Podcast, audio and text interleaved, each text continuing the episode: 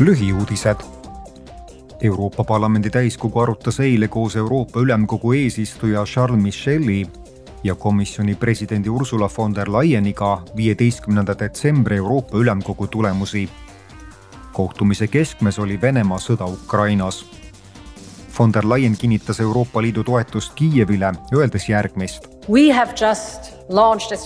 Oleme edastanud kolme miljardi suuruse osamakse kaheksateistkümne miljardi euro suurusest toetuspaketist kahe tuhande kahekümne kolmandaks aastaks ja me toetame Ukrainat nii kaua, kui vaja.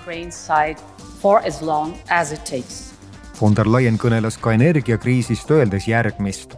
We have also shown strength and resolve samuti oleme näidanud üles tugevust ja otsusekindlust asendada Venemaa fossiilkütused teiste energiakandjatega ning oleme suutnud hindu alandada. meie ühised jõupingutused tasuvad end nüüd ära. gaasi hind on praegu madalam kui enne Venemaa sissetungi Ukrainasse.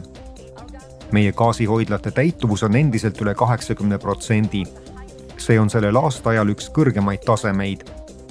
Ja mis kõige tähtsam, me suutsime kahekordistada taastuvenergia kogust, mis tuli meie turule viimase aasta jooksul ülemkogu eesistuja Charles Michel ütles, et liikmesriikide ühtsus on Euroopa jaoks otsustava tähtsusega, kui liit soovib tagada oma kodanikele rahu ja heaolu. Parlament küsitles täiskogul komisjoni ja Rootsi Euroopa Liidu asjade ministrit Uberi lobitöö tavade paljastuste kohta Euroopa Liidus peamine küsimus oli, kuidas nende sõidukijuhtide töö ja sotsiaalsed õigused mõjutavad töötajate töö ja sotsiaalseid õigusi parlament arutas Brasiilia demokraatlike institutsioonide vastu toimunud rünnakut. samuti keskenduti ajakirjanike olukorrale Marokos ja Mägi-Karabahhi blokaadi humanitaartagajärgedele. täna pannakse ka hääletusele resolutsioonid nendel teemadel